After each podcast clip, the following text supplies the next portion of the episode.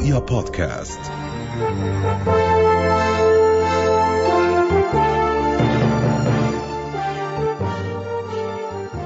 تحدث أكثر عن كيف بيسيطر الاحتلال على العقل الجمعي الغربي وأيضا العقل الجمعي العربي. رح نحكي عن هذا الموضوع بشكل مفصل مع الأستاذ محمد العدوان رئيس مركز عمان والخليج للدراسات الاستراتيجية. صباح الخير وأهلا وسهلا بحضرتك أستاذ. صباح الخير يا ستي وصباح الخير للمستمعين الكرام على رؤية آه، أعتقد اليوم آه، شيء طيب أنه الواحد يبدأ بعد 15 عام من مغادرة الأردن أن يتحدث من هذه القناة المحترمة الراقية التي تقدم شيء جديد في الإعلام العربي. نعم. والإعلام الأردني. صحيح آه، شاكرين جدا وجودك معنا. اليوم ربما الحديث عن ما يحدث آه، من عدوان على قطاع غزة ونرى تأثير الإعلام على عقولنا وأيضا عقول الغرب. فكيف تجد هذا التأثير؟ الحقيقة يا سيدتي لابد أن نعترف بكل مصداقية أن الإعلام هو السلاح الأكثر فتكا في الموقف العقلي للإنسان إن كان في العالم العربي أو في الغرب. لذلك الوكالة الصهيونية عندما تأسست جعلت الدائرة الثانية في الوكالة الصهيونية هي دائرة متخصصة في موضوع الإعلام. مؤمن إيمان مطلق أن إعادة تأهيل العقول في العالم هي المصدر الرئيسي لدعم أي قضية في العالم. لذلك الإعلام اليوم وفي السابق كان وسيبقى هو الأداة التي تسيطر وتحرك العقول واليوم تستخدم لتحريك المشاعر والعواطف. لربما يجب أن نعرف أن هنالك شخص اسمه إلياهو ساسون كان هذا الشخص مسؤول عن إعادة تأهيل العقل في العالم العربي من خلال ما يكتب ويطرح في الإعلام حتى في الصحافة العربية فكان هذا الشخص يعمل على تقديم وجهة النظر الصهيونية من خلال آه، هاي الصحافة حتى في الصحافة العربية لذلك الإعلام آه، كيف؟ آه، من خلال مقالات من خلال الترويج لبعض القضايا من خلال صناعة الأفكار وصناعة المناهج. لك أن تعرف يا سيدتي أن واليوم أنا أتحدث عن الوثائق أنه قد تمت يعني رصد 600 مليون جنيه استرليني منذ العام 1919 حتى العام 1979 للترويج في العالم العربي لعدد من القضايا التي لها علاقة بالتخوين بإعادة تقديم القضية آه، ضمن الفكر اللاهوتي اليهودي آه، القائم على المصلحة الاستعمارية آه، بشكل أكثر تأثيرا من الرواية التي نسمعها يعني.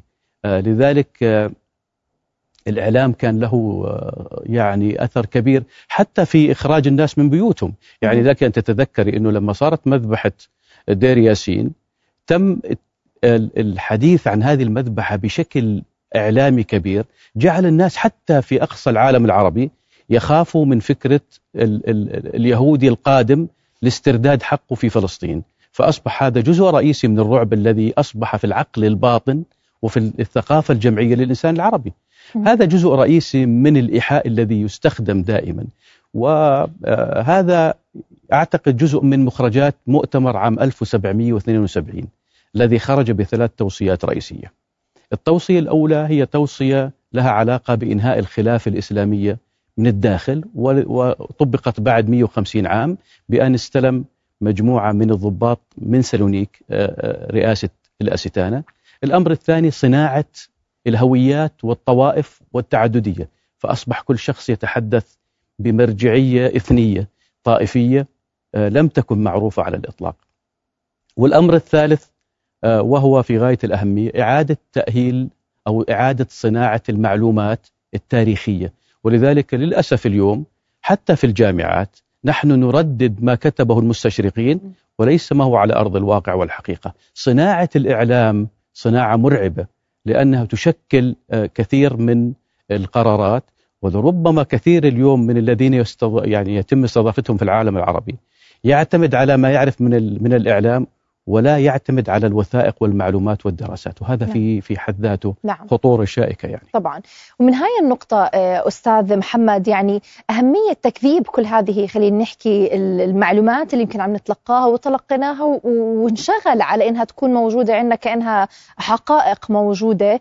آه، أهمية التوثيق وإدارة اليوم العقل العربي أو حتى إدارة العقل الغربي قد إيه في له دور كتير كبير أتوقع بأنه بالفعل إحنا نعرف ونفرق بين الحقيقة ما هو حقيقي وما هو ليس حقيقي. خلينا بس يعني نو- نوضح فكرة مهمة جدا في العقل العربي. آه، هي الفكرة ال- التي تختلف ما بين التاريخ وكتابة التاريخ وما بين التوثيق.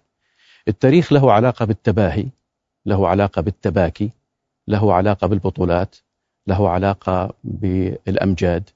أما التوثيق فله علاقة بمعايير ضابطة هي معايير إعادة ضبط الأحداث والمعلومات. ولا تقتصر على موضوع التاريخ سيدتي الكريمة آه، التوثيق له علاقة بإعادة تأهيل العقل ضمن ضوابط العقل الخمسة اللي أنتم في الإعلام. الحقيقة تشتغلوا عليها هي كيف ومتى وماذا وأين ومن. هذه الضوابط بالإضافة لمعايير أخرى هي معايير التشبيك. والتحليل والتصنيف. هي الجزء الرئيسي الذي يجب للعالم العربي اليوم يذهب له حتى يستطيع أن يفهم القصة. لا يمكن يا سيدتي أن نستشرف المستقبل ولا أن نعيش مع الحاضر بأريحية إذا لم نتصالح مع الماضي. اليوم حتى إحنا في العام 2023 إحنا اليوم نعيش آثار عام 1916 الثورة العربية الكبرى مخرجاتها الانهزام العقلية التي كانت تسيطر في تلك الفترة. إحنا لغاية اليوم نروي لأولادنا روايات لها علاقة بمو- بموضوع سمعت قيل لي. لكن لا نروي لأولادنا منظومة لها علاقة بالحقيقة والواقع ضمن التثبت. يعني أطول آية في القرآن الكريم هي آية الدين آية التثبيت. اكتبوه يعني اكتبوه آه، آه، صغيرا أو كبيرا. لذلك إحنا لا نتثبت من المعلومات ونروج المعلومات بكل بكل يعني آه، آه، ما بدي أحكي سذاجة لكن نروجها ضمن التباهي بإني أنا بمتلك المعلومات. امتلاكك للمعلومات لا يعني امتلاكك للمعرفة آه، ربما العالم العربي أو المواطن العربي أكثر إنسان في العالم يعرف معلومات تطلعي مع مع احترامي لكل الوظائف مع سائق التاكسي يستطيع أن يتحدث لك عن وعد بالفور وعن سايكس بيكو وعن آه، كل شيء في العالم عن الرياضة وعن الأدب وعن الفن. نمتلك معلومات لكن عندما تذهب إلى المعرفة والتي هي أصل إدارة العقل تجدي أن الذين يتعاملون بالمعرفة في العالم العربي قلة. وربما إحنا لما يعني غادرنا وتعاملنا مع الآخر في الغرب وعرفنا أن الغرب يؤمن بموضوع المعلومات المعرفية المصلحية. يعني هو المعلومات لا تعني له شيء إذا لم تتواكب مع مصلحته. إذا المعلومات تتواكب مع مصلحته يذهب بها إلى أبعد طريق. عندما تتناقض المعلومات مع مصلحته يغض الطرف عنها. وأقرب مثال في غزة من يستطيع في العالم لديه مفهوم الأنسنة أن يغض الطرف ولو للحظة واحدة عن ما يحصل للأطفال في غزة؟ مهما كانت ديانته ومهما كانت أفكاره. أنا لا أتحدث عن شعوب في الغرب أنا تعاملت مع الشعوب في الغرب. أنا أتحدث عن مصالح الحكومات والأحزاب التي تسيطر عليها نظرية ال- ال- المصلحة المطلقة. آه، ما كان يميز الأردن ويميز الأردن حتى اليوم منذ عهد عبد الله الأول حتى عهد جلالة الملك عبد الله الثاني أمرين رئيسيين يا سيدتي. الأول موضوع الأنسنة نحن مؤمنين بالأردن بموضوع الأنسنة. أنسنة الإنسان بغض النظر عن عرقه ولونه وشكله ودينه. والأمر الثاني هي الطاقة الإيجابية المطلقة. إحنا بالأردن دائما نعول على الطاقة الإيجابية نعول على أن الآخر لربما يحرج من استخدامنا للأنسنة وأقرب مثال خطاب جلالة الملك عبد الله في في في الأمم المتحدة نعم. الذي حذر فيه وبالأمس خطاب جلالة الملكة حقيقة أن تخاطب الآخر بمفهوم له علاقة بالمعلومات المعرفية والمصلحة وتفهمك لمصلحته لربما هو أكثر شيء مؤثر في الغرب. طبعا. أكثر ما تتحدثي عن عواطف. العواطف في الغرب ليس لها قيمة إلا إذا كانت تتواكب مع المصلحة. نعم. المعرفة أساس تشكيل الوعي. ولكن اليوم حتى هذه المعرفة بحاولوا أنهم زي ما حضرتك تفضلت إذا لم تكن في مصلحتهم فهي غير موجودة. كيف نعيد إيجاد المعرفة كيف نعيد سرد القصة الحقيقية كيف نوثق آه، فعلا ما يجب توثيقه مما يحدث ومما حدث. آه، سيدتي الكريمة العالم العربي هو عالم حضارة. الأديان الثلاثة خرجت من عندنا. إحنا نورنا العالم. إحنا قدمنا اليهودية وقدمنا المسيحية وقدمنا الإسلام. إدارة العقل في العالم إحنا اللي نورناه من خلال الأندلس. لذلك إحنا لنا علاقة بأن لا نتباكى عن الماضي أو نتباهى بالماضي. يجب أن نعيد سرديتنا بعيدا عن التاريخ الشفوي مع احترامي طبعا وتقديري للتاريخ الشفوي. اليوم قضية فلسطين هي أعدى القضية في العالم والكل مجمع على ذلك. لكنها حتى اللحظة هاي تقدم في إطار عاطفي وليس في إطار معرفي.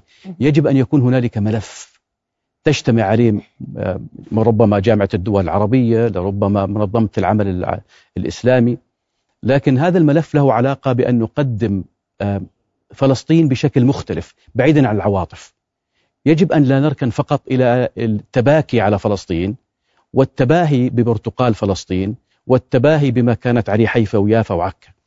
يجب اليوم أن نذهب إلى شيء آخر هو موضوع المعرفة. أن نقدم ملف في وثائق معلومات معرفية مفقطة لها علاقة بتقديم وجهة النظر العربية من خلال المخطوطات والوثائق ضمن سردية مختلفة عن السابق. يعني أنا لا أريد أن أذهب إلى الغرب لأتحدث له عن سردية آه، كيف كانت الناس تعيش في فلسطين. عام 1876 يا سيدتي بدأت أول مستعمرة موجودة في فلسطين في القدس. ودخلت إلى القدس تسللا عبر السلطنة العثمانية. تحت حجة بناء مستشفى في الحي الذي أصبح أصبح فيما بعد يسمى الحي اليهودي. لم يكن هنالك حتى عام 1867 تواجد يهودي لولا تدخل السلطنة العثمانية ضمن آلية معينة. آه هذا كلياته يجب أن يذهب إلى سردية أخرى هي سردية المعلومات المعرفية. يجب أن لا أبقى في العالم العربي مخازن مخازن لحفظ الوثائق والمخطوطات. نحن نمتلك في العالم العربي كمية ضخمة من المخطوطات والوثائق. لكن للأسف إحنا اليوم نقدمها على أنها مخزنية. يجب أن ننتج معرفة ولا نبقى نستورد يعني آه، هل من المعقول أن حتى هذه اللحظة لا أنتج معرفة بناء على كل المخطوطات اللي عندي وأنتظر جامعة كامبريدج أو جامعة أكسفورد أو هارفارد أن تنتج معرفة ثم أخذها منها لأدعي أو أحللها؟ هذا الكلام غير صحيح. لذلك يا سيدتي المعرفة هي جزء رئيسي من إدارة العقل. المعرفة تقود إلى الوعي والوعي يقود إلى الإدراك. إذا اليوم إحنا في العالم العربي نريد أن نقدم منظومة جديدة في العالم فعلينا أن نذهب إلى الوعي. لا شيء يثير ويعني يثير حفيظة الغرب مثل أن يصبح الإنسان العربي واعي.